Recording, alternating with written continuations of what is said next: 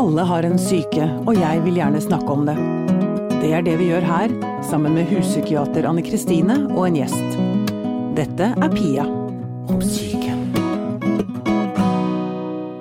Jeg har alltid vært interessert i psyken, både min egen og andres. Vi har jo alle en syke, mange slåss med den, og jeg tror at det aller beste er å sette en skikkelig sterk lyskaster på den. Kanskje er det mulig å få et og annet troll til å sprekke. Jeg er selv diagnostisert med en bipolar lidelse, en diagnose jeg fikk etter at jeg ble tvangsinnlagt høsten 2013. Og det er kanskje på grunn av akkurat det at jeg fikk ekstra lyst til å snakke om det, her, i et studio, sammen med en masse ulike folk som alle har hver sin unike, rare og interessante syke som de har lyst til å snakke om. Jeg har vært heldig å få med meg en ekspert på feltet, som kan hjelpe til med å sortere litt. Leder for Norsk psykiatrisk forening, Anne Kristine Berge, er vår faste huspsykiater. Og i dag, første episode i Pia og psyken, så har jeg gleden av å sparke i gang serien med en partner in crime. Rigmor Galtung, som også har en bipolar 2-lidelse. Velkommen hit! Yeah! Take it away! Grazie mille! Hallo, hallo! Her skal det bli gærne folk en time, si. Du, er på, du er på oppsiden av deg sjøl du nå, ikke sant? Du er på høy, høye Jeg er på nivåer. en høy bølge, jeg Nei da. Nei, jeg er, vel, jeg er vel eh, ganske normal i min hypomani, tror jeg. Ja, hypomani. Det er vel der jeg pleier å være. Og det er cue til huspsykiateren. Kan du fortelle hva Altså depresjon kan- vet alle hva er, men forskjellen på hypomani og mani, det er jo, en, det er jo oppsiden, holdt jeg på å si, ved bipolar lidelse. Ja, og hypomani, det er jo når man har det bra og har ekstra mye energi. Eh, Så du kan si det er jo den positive tingen ved, ved bipolar lidelse. Det er jo for mange de periodene de har den hypomane fasen, fordi at da er man litt overmenneske. Litt overmenneske, men når går det over i Eller når går det over i mani? Det er jo når man mister litt grep om virkeligheten. Og når det begynner å gå utover dømmekraft. Det begynner å gå utover forholdet til andre mennesker. Og for noen så kan det jo ta av såpass at man faktisk blir psykotisk en periode. Ja, for det er siste stopp, holdt jeg på å si. Eller stopper. heldigvis ikke. høydemeter, eller hva det blir. Ja, og det, det pleier å være ganske fælt for de som er i det. For at da mister man eh, ikke bare kontakten med virkeligheten, men man kan også miste seg sjøl. Og det er eh, ingen god opplevelse, og det er heller ikke godt etterpå.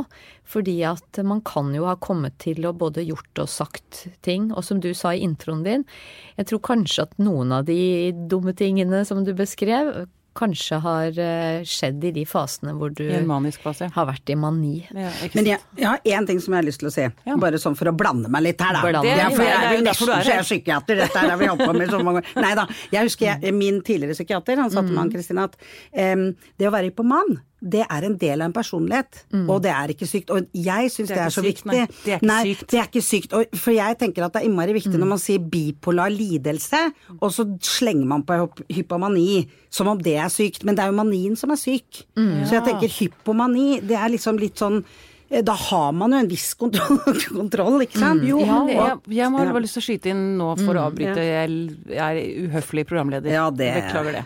Men eh, Er greit. Vær så god. jeg har jo vært hypoman nå i disse siste ukene hvor vi har jobba med dette, og jeg hører på ting jeg har lest inn eller sagt, så hører jeg at jeg er ganske mye mer stressa. Ja. Og det liker ikke jeg. Eh, da føler jeg meg sjuk.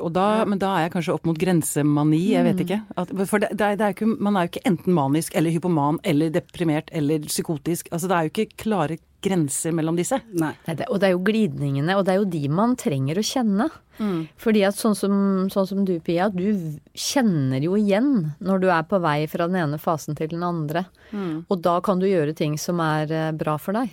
Sånn at du slipper å havne i manien. Ja, det har vært gull, for jeg gikk Ja. jo på etter at jeg fikk Etter at jeg slapp ut, holdt jeg på å si. Skal vi se, jeg sitter inne litt. i Grann, der det er nesten som å sitte i fengsel, da, for det er låste dører, og hva? det er mm, Selve tvangsinnleggelsen var grotesk, det skal jeg si. Det døgnet der var grusomt, og jeg, mener at det var helt unødvendig. Der mener jeg at jeg ble utsatt for et overgrep. Det var ingen vits. Eh, Jeg trengte, jeg, hadde, jeg trengte å sove. Og så trengte jeg omsorg, det var det jeg trengte. Men det er nå én sak. Men de elleve dagene som fulgte, det var jo ferie. Ja. Herregud, det var helt nydelig. Folk var, passet jo på meg og snakket med meg og ga meg mat og Ja da. For du har også vært på Ole Wiesenberg. Mm. Det skriver du om i boka di. Fullt Jeg lys og elsker Jeg elsker skjønnhet. Og nå skal jeg kanskje snart flytte ut av bydelen, jeg er jo livredd. Åssen er det Anne Kristine? Kan jeg, kan jeg få fortsette å være på, på Lovisenberg? Ja, ja, men da kan jeg jo gi en liten saksopplysning. Ja, altså, flott. eh, det er fritt sykehusvalg, men det gjelder planlagte innleggelser. Sånn at når det braker løs ja. og blir akutt, altså hvis du plutselig en dag kjenner at nå må jeg på sykehus, da er det ikke samme grad av valg. Men kan man ikke, hvis man da er klar over det, så må det kunne gå an å søke om det? Og si at liksom, hallo, der har jeg vært i 15 år. Ja. Det vil hjem, hjem til mamma. Ja, Ja, men alt er, alt er lov. Og hvis Ja. vi skal ta helseministeren på alvor, som snakker Ja. om pasientens helsetjeneste Den tøye, ja. Ja, da, da burde det jo i hvert fall.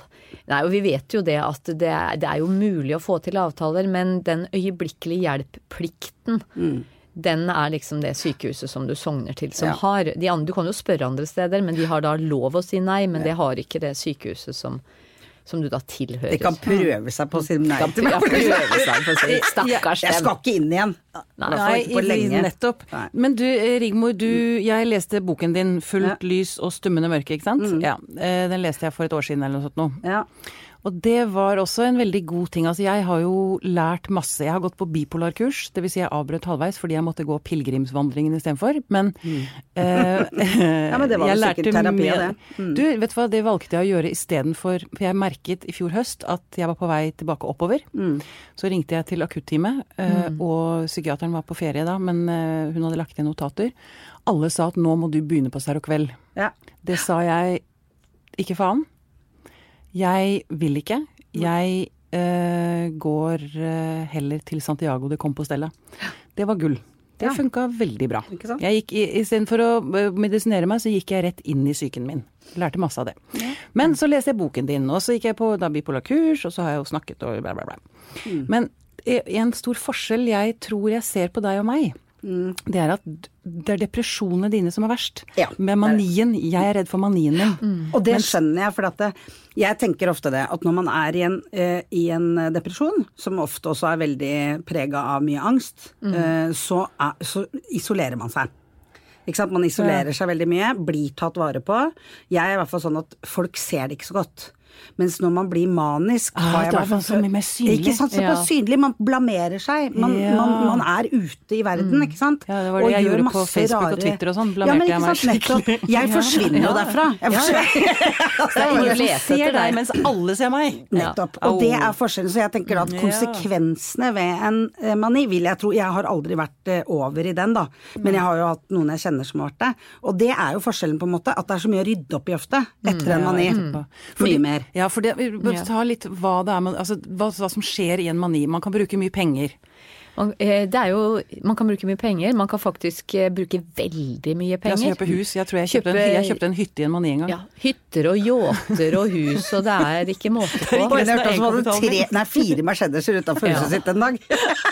Og det, og det er jo veldig kjedelig etterpå hvis man ikke har de pengene. Ja, det er det er jo få som har. Men så er det også det at man Altså de som tror at man blir sånn glad og lykkelig når man er i en mani, de har nok aldri vært tett på, fordi at i løpet av de årene jeg har jobba, så noen sånne gladmanikere som blir i godt humør, men veldig mange blir jo også litt ampere. Ja, sinte. Ja, Altså litt det kjenner jeg jo. litt Du hva, aggressive. det, det, det, det opplevde jeg veldig, at alle følelsene er skrudd på fullt Ja, volum. ja. Så- Altså raseri, fortvilelse, glede, alt. Og det er helt umulig å navigere. Ja. Jeg har prøvd, jeg fortalte dette til, fortalt dette til flere. Jeg er også, angst er jo, mener jeg også er en del av mani. Ja, da, det er det mye skrekk, mye Ja. skrekk i det. Og jeg besk har beskrevet dette som at For det første, jeg fikk Jeg mener at eh, sykdommen min slo ut av pappa døde for 13 år siden. Eh, og da beskrev jeg det som Da fikk jeg et massivt panikkangstanfall. Jeg var fryktelig stressa og skulle ja, løse noe greier. Men da Manien er for meg som å sitte foran en datamaskin, og så har jeg alle programmer oppe. Altså jeg har Excel, Word, PowerPoint, Mail, Safari. alle, og så har jeg i tillegg flere dokumenter i hvert program. Ja. Og så er det noen som står over meg og skal ha meg til å løse en oppgave nå. Ja. Det er stresset. Og det er på en måte deg sjøl som Ja, Ja, altså, det er, jeg jeg ikke noen utenfor Nei, Nei, det, er, det, er, det er inni meg, ja. Ja, altså første gangen jeg fikk en sånn utbrudd. Og det tror jeg også at en sånn type sykdom kan på en måte trigges gjennom f.eks. du hadde faren din som døde, jeg hadde jeg har også, som deg, alltid vært i drar eh, fra jeg var barn, da. Mm. Men, men det var jo da på en måte det ble trigga, det var når jeg var i et samlivsbrudd. Ja. Så jeg tenker veldig ofte så er det jo sånne ting som kan trigge sykdommen. Er det ikke det, Anne Kristine? Jo, det er jo stress, litt ikke sånn- sant? Mm. Ja, ikke sant. Sånne tunge, vanskelige ting. Eh, men eh, jeg husker når mamma døde, Mm. da trodde jeg på en måte at det kanskje skulle skje, men det gjorde det ikke. Nei, og da klarte jeg å være i en sånn normal sorgreaksjon, da. Og det hadde jeg kanskje ikke klart for Men siden. hvor gammel da. var du da du samlivsbruddet? Ja, så var det. Jeg var 32, så det er jo 15 år siden, ikke sant. Så jeg har jo, og jeg har jo hatt noen innleggelser bak meg. Men det som jeg vet at jeg trenger, da, det er at jeg blir tre år. Jeg blir veldig klamrete. Det er akkurat det samme sier jeg! Jeg vet hva jeg har sagt til folk rundt meg? Nå må dere behandle meg som om, en, Ja. om jeg er en treåring eller en hund. Ja, nettopp, Tydelige beskjeder. Ja, Ikke ja. noe uten Altså bare omsorg, Ja. mat. Ja, ikke sant. Å bare være der. Og da er det for meg det å komme inn på sykehuset. Fordi jeg blir så slitsom for de rundt meg. Når mamma levde, så kunne hun ta noe av det. Ja. Så det hendte da at jeg klarte meg uten innleggelse når mamma levde. Ja. For hun tok det, på en måte, da. Ja. Men jeg vet jo at det er det jeg må gjøre. Jeg må bare inn der, hvile. Du vet det, for du vet at du blir så forferdelig bekymra. Du blir så engstelig, og du blir så bekymra. Ja. Og, og da har jo du valgt å dra på sykehuset, og så kan de ta seg av det, i stedet for at du Ikke sant, sliter rundt meg. ut Men jeg, omgivelsene. håper, ja, ikke sant? Men jeg håper jo en gang at jeg skal på en måte komme dit at jeg ikke føler at jeg må det. Ja, men du har jo kommet en lang vei allerede. fordi at du trenger jo ikke de samme voldsomme overbevisningene Neida. som før. Men du har jo da ja. coping mechanisms, Ja. eller hva du kalte det. Fordi du sier at jeg drar på sykehuset. Det er det Jeg som er min der greie. hvor jeg får omsorg. Ja. Og alle vet det rundt meg. Ja. Ikke sant? Altså, jeg hadde en veldig bra psykiater eh, en gang, eh, og hun var veldig sånn tok møte med alle mine pårørende. For hun spurte da hva vil du at jeg skal gjøre for deg nå når jeg skulle skrives ut. Så sa jeg nei, men jeg vil at kanskje nå når jeg er frisk, så kan du og jeg forklare litt til mine Ja. nærmeste hva det er som egentlig skjer. Hun Og det var jo så fantastisk. Ja. for familien min. For plutselig så var det Å, er det sånn? Ja, ok! Ja men, å, ja, men da vet vi det, da. Og da vet vi Og ikke minst så sa hun dere må la Rigmor få lov til å være glad igjen. Når hun kommer opp igjen, så må hun få lov til å være glad, fordi det er så jævlig å være nedi der. Det- At når du kommer opp igjen da, så er det viktig at man får lov til å si Dere kan i hvert fall la Rigmor være glad i to uker, og blir det lenger enn det, så ringer dere meg. så det var sånn Ok, den er grei. Ja da. Men det var veldig fint, ikke sant. At, at de da Plutselig så følte de på at å ja, det er sånn, ja. Ok. Ja, ikke sant. Så det, så det var veldig bra for meg. Og veldig bra for de rundt Ja. meg. Det er veldig slitsomt med å være på min side, da, manisk. Jeg får jo nesten ikke lov til å være glad. Folk blir jo redde hvis jeg ler høyt. For Lå at du jeg, litt for høyt shit, nå, Ja, nå har mye She's nå har there, masse energi. Å nei, nå er hun i gang igjen med prosjektene sine, og nå, Ja, sånn. nå tar hun helt av. God og nå tur ler oppover, da. Nei, Pia, ikke le. Pia, ikke le. Dekk! Ja. Men vet du, jeg, skal bare si én ting til, fordi at i og med at vi skal være åpne om bipolar lidelse, Ja. eh, så er det én ting til som av og til skjer når noen er i en mani, Ja. og som er veldig, veldig skamfullt og skambelagt, og det er at man kan også bli ganske ukritisk i sin seksualitet. Ja. Sånn at man eh, altså, Og det er, jo, det er jo ofte veldig leit. Altså er man, eh, er man i et forhold eller er man i en familie, så kan man allikevel da bli så sjuk at man eh, går ut på byen og sjekker opp andre og pådrar seg både det ene og det andre. Og, ja. men altså, og det, blir så, det blir så vondt og vanskelig, for etterpå, Etterpå. så er det sånn at det, det er jo ikke noe man ønsker. Men det er fordi at grensene forsvinner, og man blir litt sånn grenseløs, ikke bare med penger, men også med det. Og med Så jeg tenkte, i og med at vi ikke har snakka om det, så vil jeg bare Nei. nevne det. Fordi at at de som hører på, som kjenner noen som er bipolar, eller som er det sjøl, må vite at det er, altså det er en del av manien for veldig mange. Og det handler ikke om at, om at de ønsker det, Det men det bare blir sånn. Det har med grenseløshet å gjøre. Ja, Og jeg og alkohol òg. Rus. Alkohol og rus Ikke sant? At det er sånn derre Jeg vet jo Jeg, jeg har en venninne som var det for veldig mange år siden, og det var deg. Ja. Det var liksom sånn alt var Alt. bare lov. Ja. Alt var lov. Du, det, jeg spørre deg om, Kristine, det hørte jeg på det bipolarkurset jeg gikk, at de regner med at det er ganske mange narkomane som kanskje har en udiagnostisert bipolar lidelse, og så selvmedisinerer de seg. Ja, og du vet at der er det jo også sånn av Det går jo diskusjoner òg om hva er høna og hva er egget. Altså sånn derre For men ting henger sammen. Altså det skal vi snakke mye om. Hvor tett kropp og sinn henger sammen. Ja. Sånn at eh, Og det har jeg vel nevnt for deg en gang før, Pia, at en del rusmidler òg, vet du, de, de går jo rett i belønningssenteret. Ja. Sånn at hvis man ikke har det så greit, og trenger litt varme og omsorg, men ikke har muligheten til å få det, så funker det liksom med rusmidler. Ja. Selvfølgelig på kort sikt. Ja. Men, Jo, jeg, ja, eh, jeg men at det virker at- i de når jeg ser folk samme rundt meg, at uh, Ja. det kan være, jeg kan se tendenser til bipolar... Jeg tenker ja, der har vi et snev av bipolaritet. ADHD, da. Men, men, og ADHD, men Ja. her er det alkoholen som liksom tar det for å ta både topper og bånder på en eller annen måte. Ja, ja, ja. For jeg tenker, jeg, jeg, hadde lyst til å si en ting til i forhold til dette med skam. Som jeg har eh, hatt ganske mye av. ja. Og i forhold til den der eh, oppsigelsen min, direkte oppsigelsen min, så opplevde jeg at jeg var utrolig fokusert frem mot selve oppsigelsen. Virkelig helt klinkende klar i hodet. Men så ble jeg vippa over av Jeg skjønte jo ikke hva jeg satte i gang. Altså det ble så massiv oppmerksomhet Ja. fra hele verden, ikke sant. Herregud, jeg var jo i India Times. ikke jeg da, Ja. men det ble nevnt. Historien ble nevnt i India Times. Kåli, kåli, kåli, Pia Pedersen, kåli, kåli, NRK. ja, ok! Der omkring. Men så ble jeg vippa, og så var jeg i P4 på mandagen. ja. Og der blamerte jeg meg. Noe så jævlig. I P4? I P4. Jeg hørte ikke det. Nyhetssending, eller 1730 eller hva det Ja. heter. Og det var så grusomt. Å herregud, det, det brukte jeg månedsvis. Når jeg kom ned igjen og var eh, normal igjen, eh, så gikk jeg, husker jeg gikk rundt i Torshovparken med hunden min og så Tilgi deg selv, tilgi deg selv, tilgi deg selv, tilgi deg selv. Ja, det Eh, Det var, det var grusomt. Og det har jeg faktisk tenkt på Vær varsom-plakaten. Der skulle jeg vært beskytta mot meg sjøl. Ja. Men Jeg hørte nemlig at det kom på jule... De hadde til og med den opp, den, det klippet på jule... Avslutt- Nei, fy avslu- faen. på Oi, oi, oi, kavalkaden. oi, oi. Det er stygt, altså. Ja, det er Men så er det det, ikke sant, hvis du virka da veldig oppegående i den situasjonen Det du var når det, du sa opp, ikke sant, så var det litt sånn å ja, hun er tøff. Så dette her er liksom Ja. Så det kan altså Og det er jo det som kan være litt vanskelig for van, vanlige folk, da. Ja, er jo å skjønne at herregud, dette mennesket er jo sykt. Men nå, ja, og det er jo derfor vi sitter her, for nå skal vi jaggu oppdra, eller nei, ikke oppdra, men Ja. lære opp folk. Ja da, det er jo noe med det- og Folk ja. vet jo ikke, og folk er så redde for å spørre. Ja da. For jeg merker det også når jeg holder mye foredrag og sånn, for det gjør jeg veldig mye. Og det er jo det at folk har veldig problemer med å spørre i starten. Men så er det sånn etter hvert så blir det liksom lettere og lettere når de på en måte skjønner at dette er noe man kan prate om. Og at man kan stå der og være helt normal. Normal ble jeg vel aldri, men i hvert fall til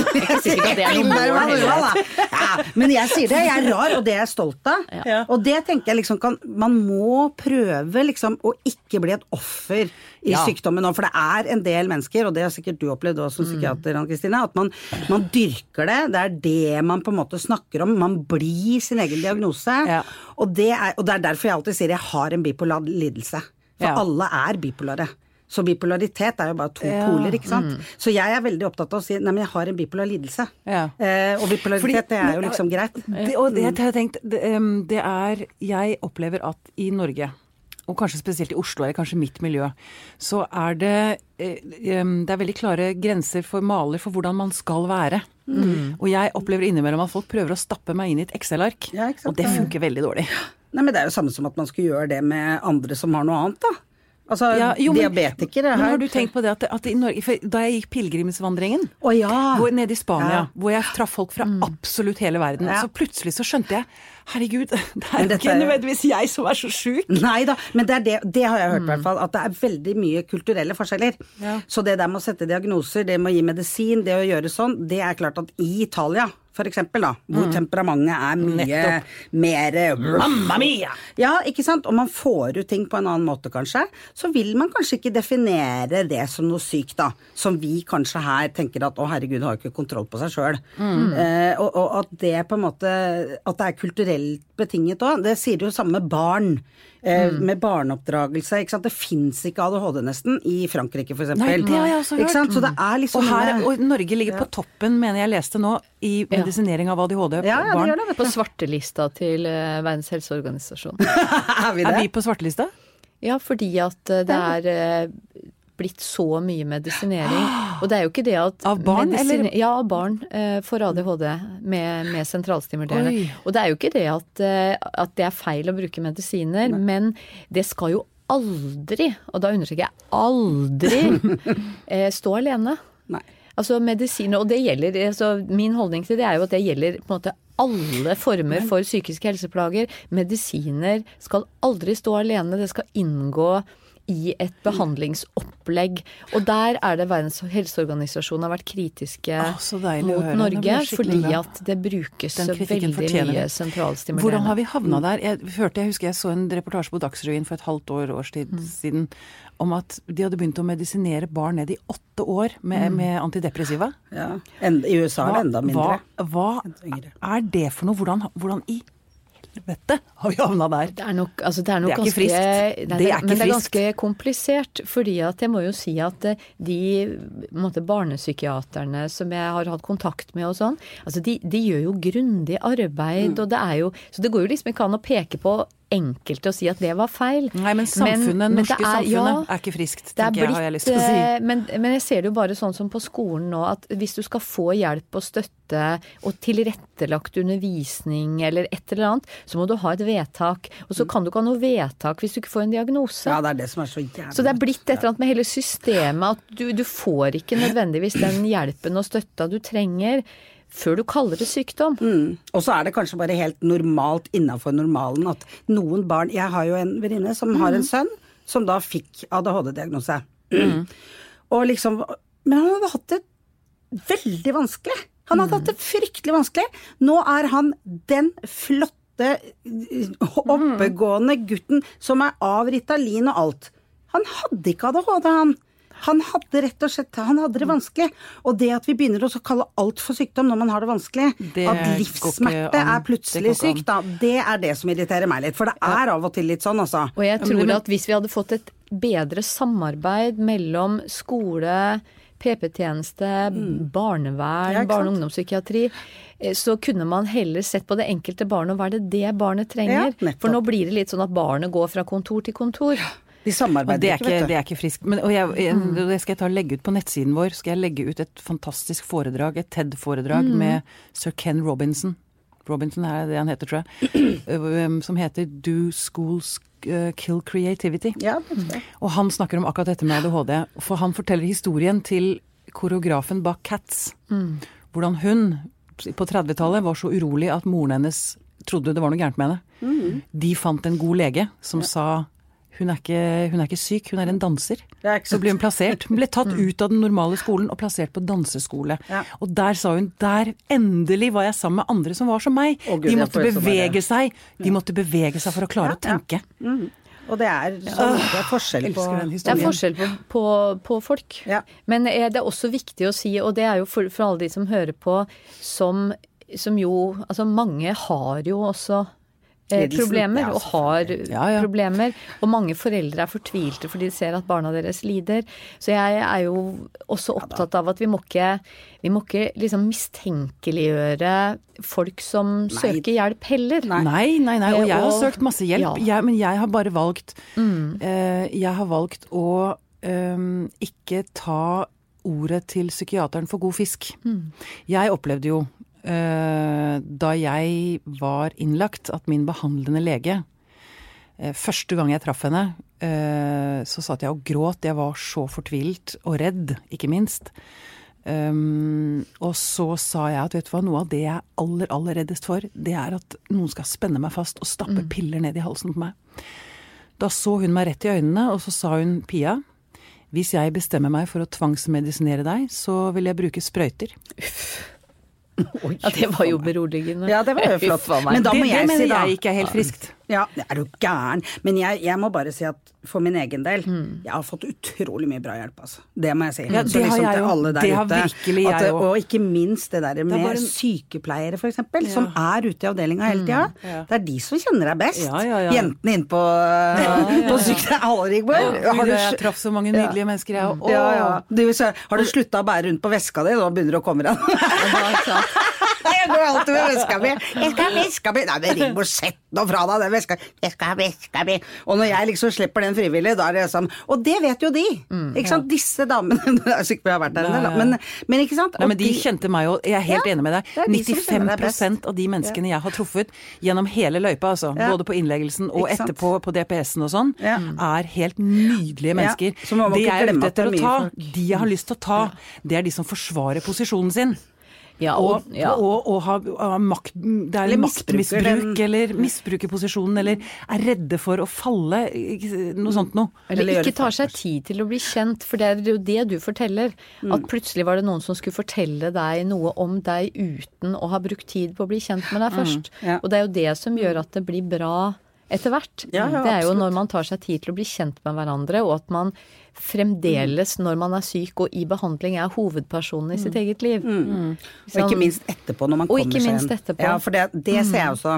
At det er litt sånn eh, som jeg føler at jeg har vært litt heldig, og hvor jeg føler også at det har faktisk hjulpet meg veldig mye, er den friskliggjøringa Ja. Ja. av meg. At liksom stort sett så er jeg jo frisk. Ja. 95 av tida. Ja. Og når folk da behandler meg som frisk når jeg er ferdig med depresjonen min, Mm. det oppleves veldig bra for meg. Og ikke minst Nå ble jeg veldig engasjert, da, for jeg har jobba i psykiatrien selv òg, så jeg vet jo dette her, hvordan, hvordan jeg vil bli behandla, og hvordan jeg har behandlet mine pasienter, eller de pasientene som jeg jobber med. Og det er jo likemannsprinsippet. Det at man faktisk Vi er folk. Er Alle er sammen. ja. Og det, er, og det er klart at for min egen del, da, som kanskje har mye ressurser ikke sant? Altså, og du og Pia, at vi som kanskje har mye ressurser Ja, men vi blir jo Nei, eller ikke du da, kanskje så mye, men Jeg får snakke for meg sjøl, da. Ikke Pia. Pia Pedersen, ikke så mye ressurser. Rigmor Galtuk, veldig mye. Nei. Nei, men ikke sant. For oss er det kanskje også lettere å få en, en sånn type, eh, et sånn type forhold til behandlere. Mm. Mens for de som kanskje er mer kronisk syke, eller de som ikke har de ressursene, så blir på en måte den derre forskjellen, eller den derre Det blir så mye større ubalanse. Ja. Ikke sant? Og jeg tenker at derfor så tilstreber jeg, i hvert fall når jeg jobber sjøl, og også sier noe om det, at jeg ønsker jo det. Ikke sant? Anne Kristin, du og jeg kjenner jo hverandre, kan vi vel si på direkten. Liksom. Ikke sant? Det- det kan dere stå for. Ja, men ikke sant? Ja, men ikke sant? Og, og jeg har jo vært mm. pasient, på en måte, men vi traff jo hverandre i en annen sammenheng. enn, altså, og, og at det liksom Ja, og hva så, liksom? Altså, altså, hva så? Vi Ja. er jo Det er litt sånn tette skott imellom uh... noen ganger så blir det, og noen ganger må det kanskje være det. Jeg tenker For, for enkelte pasienter så er det viktig å ha et eh, distansert forhold til behandleren sin. Nettopp fordi det gir trygghet, ikke sant. At det gir trygghet at det er noen som på en måte har en, en sånn type rolle. Da. Så det er jo sikkert ganske vanskelig for dere fagfolk av og til, tenker jeg. Altså hvem skal du Hvor, hvor Men- skal du gå, ja, liksom? Ja og, ja, og jeg er helt enig med deg. Men, og jeg har lyst til å skyte inn en ting til som jeg har opplevd litt. Grann, og det er at både blant alle som er rundt meg, både venner og familie og sånn, og sånn, men jeg har også opplevd det innenfor helsevesenet. Det er noen som er veldig redd for galskap. Også av behandlere. Ja, og det, det syns jeg er litt skremmende. Han legen som eh, tvangsinnla meg, han ville ikke møte blikket mitt, og han ville ikke hilse på meg da han kom inn i leiligheten min. Det gjorde ikke meg veldig mye tryggere. For å si Nei, nei, sånn. nei. Jeg hadde en jeg som var en sånn turnuskandidat første gangen jeg ble innlagt. Ja. Og da, jeg var så veldig opptatt av veska mi. Den var? Hele Ja, ja. identiteten min lå i veska. ja, ja, ja. For jeg hadde jo mistet, jeg kan fortelle om det, liksom, den psykosen min kan jeg fortelle om etterpå, men da var jeg kjempepsykotisk, og jeg følte at jeg hadde mistet meg selv, og det eneste jeg hadde i livet mitt, var den Veska. Ja. ja, veska. Ja, ja, ja. Med alt som lå var nedi veska. det var ikke der sant? Det var var der. der jeg kunne finne ut av hvem jeg var. I det hele tatt, liksom. Akkurat. Og da husker jeg eh, Så kommer en sykepleier, hun er kjempesøt, og liksom 'Rigmor, skal jeg ta veska di?' Det klikka jo. Altså, hvis det ikke hadde gjort før, så klikka Og jeg satt oppe i senga og skalv. Og så sier hun, 'Vet du hva, nå skal jeg gå og hente en lege sånn at du får noe beroligende'. Ikke sant? Mm. Og da kommer han fyren inn der med glass og sto og så en annen vei. Ta dette her. Ta dette her. Og jeg hylte til han. Nikke faen! Ikke sant? Jeg var så forbanna. For, og det, for det, selv der i hele den galskapen, eller syk hvor jeg var så syk, da, så skjønte jeg at her blir ikke jeg møtt, altså. Her blir ikke jeg møtt i det hele tatt. Og han jogga ut. Og så fort hun, han var gått, så sier sykepleieren til meg Rigmor, du Jeg tror det er lurt å ta den. Jeg tok den svelga med en gang. Men jeg hadde akkurat lignende, eller også motsatt. Fordi de som skremte meg mest da jeg ble innlagt, det, det var de i hvite frakker. Ja, sant? Eh, den som redda meg den natten, og da var jeg grensepsykotisk, står det i epikrisen min, Mm. det var en ung fyr, en ung, nydelig mørk fyr, som hadde på seg en knallgrønn genser, som satt Ja. på huk foran meg og sa Pia, ta denne pillen, så får du det bedre. Ja, ikke sant? Ja, ikke sant? Det er Så, det akkurat er det. så, det er, så disse med mye kunnskap er ikke nødvendigvis de som er de aller beste behandlerne. Nei, er ikke egentlig mitt, mitt poeng, da. Ja, bortsett fra Anne-Kristine. Bortsett fra selvfølgelig. Anne-Kristine, selvfølgelig. Det er Ja, vi må jo snakke pent om dama som sitter på andre enden av bordet her. si at hun, Hvordan vil du skalere oss, eh, vurdere oss, Rigmor, med sånn ressursmessig, deg og meg og Anne Kristine? Jeg vil vel si at jeg, er- jeg er på god førsteplass, og så er Ja, Anne Kristine gjør sånn god på midten så grei jobb, liksom. Hun har bare liksom psykiatrisk forening og sånn. Jeg er Ja, og så fire bøker og sånn. Det er ikke så farlig. Nei, nei, nei, ikke tenk på det. Hennes døgn er 48 timer. Det er helt greit. Mitt tar kanskje 23. Eh, ja, og så i det hele tatt. Ja. Nei, men du, hvis jeg skulle fortelle om det psykose som du snakket om å være grensepsykotisk Mm. Eh, Første gangen jeg ble inne, det er jo nå 15 år siden. Eh, da eh, fortelle liksom hva som skjedde da. Jeg var jo jeg, det ble, jeg ble sykere og sykere og sykere og sykere. Og nå snakker vi depresjon. Depresjon. mm. depresjon. For det har jo alltid vært min greie, er jo at jeg blir så fryktelig deprimert. Eh, og da husker jeg vi hadde vært på legevakta. Jeg har aldri vært på legevakta før. Jeg hadde fått en pille og to tupp i ræva med beskjed om at jeg drar på sjukehuset i morgen, liksom. Fordi jeg ikke ville ta livet av meg. Så da var det bare nei vel, da kan du bare dra. Helt uh, Men i hvert fall så kom vi hjem, og så skulle jeg legge meg. Og da var tanta mi der, for mamma syntes det var veldig Hun var veldig redd for å være alene med meg, for da hadde hun vært alene med meg i ukevis og sa hvis ikke du får noe hjelp nå, så blir vi to pasienter istedenfor én. Husker jeg mamma sa. Og det var nok helt riktig. Hun var jo hvitere enn meg i trynet, ikke sant. Og hun fikk en egen pille, hun, når vi var på legevakta. Men i hvert fall så skulle jeg sove oppe, og mamma og tanta mi satt nede. Og jeg turte jo ikke noen ting alene, men da skulle jeg liksom ligge der oppe da, i senga. Og så plutselig så kjente jeg at Så hørte jeg liksom de sitte og prate sånn Når man var barn, så var jo det veldig koselig å høre liksom de voksne prate. Men jeg fikk totalt panikk, for jeg følte at jeg mista jeg, jeg, jeg liksom, Det var akkurat som jeg ikke var der lenger. Det var akkurat som Rigmor bare forsvant, liksom. Og jeg husker jeg hylte. Mamma! Jeg var helt hysterisk. Og mamma og tanta mi kommer løpende opp trappa. Hva er det, Rigmor? Hva er det? Jeg er ikke her, jeg er ikke her, mamma, jeg er ikke her, mamma, jeg er ikke her. Jeg var helt sånn. Og, så, og det ble liksom Så det endte med at mamma måtte ligge på den ene sida av meg, og tanta mi på den andre.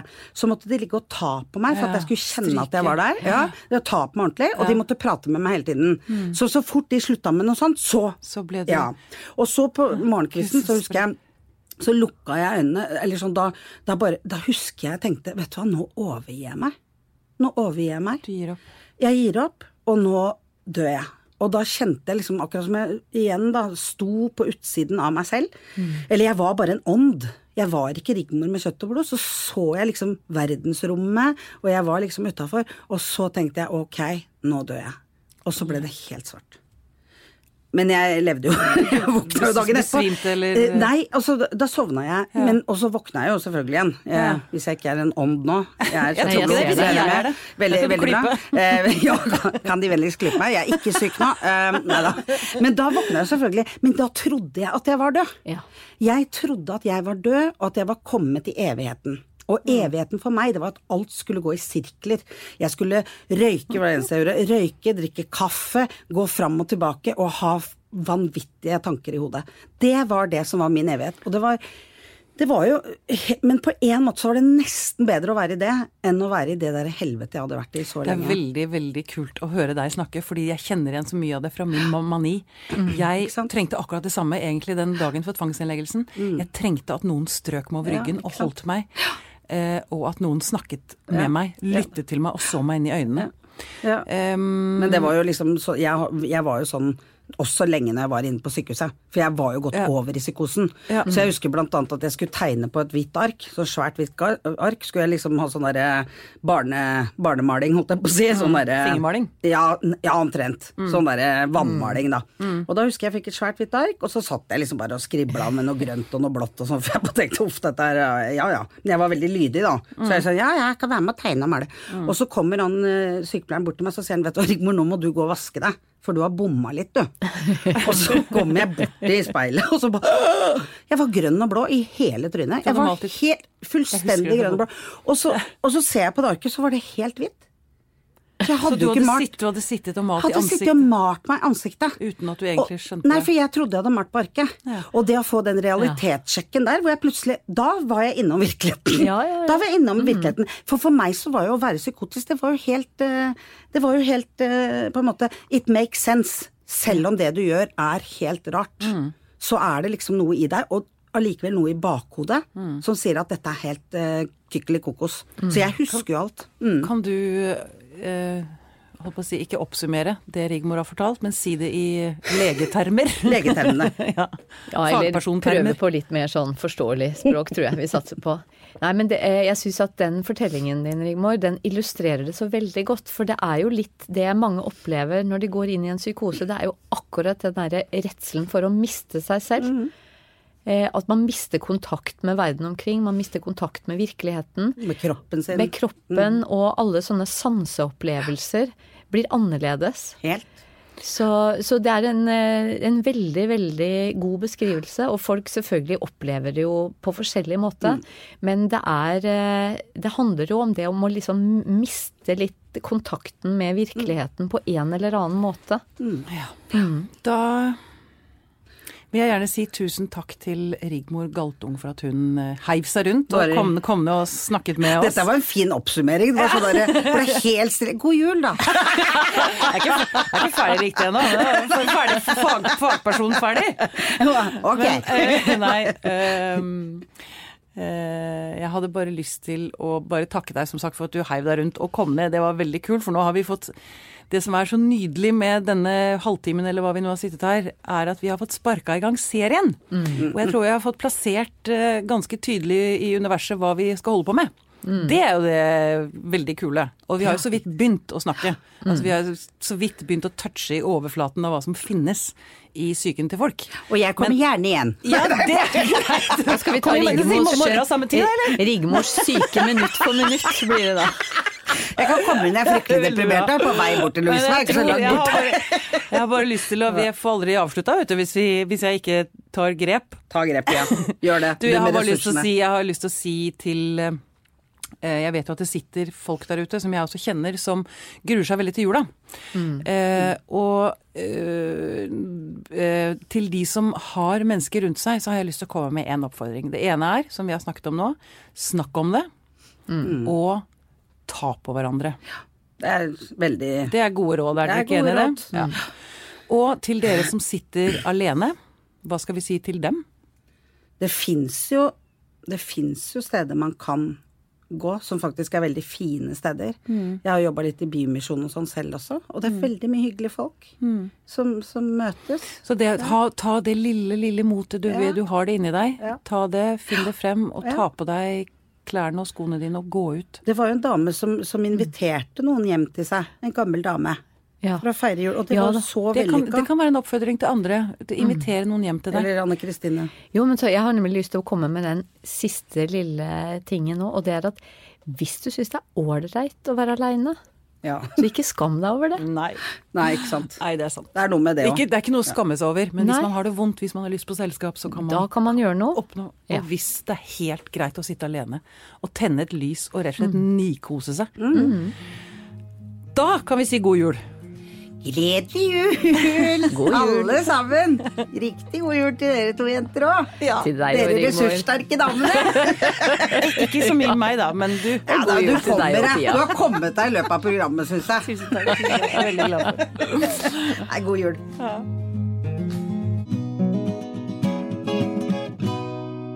Denne Podkasten er produsert av Tid og Lyst.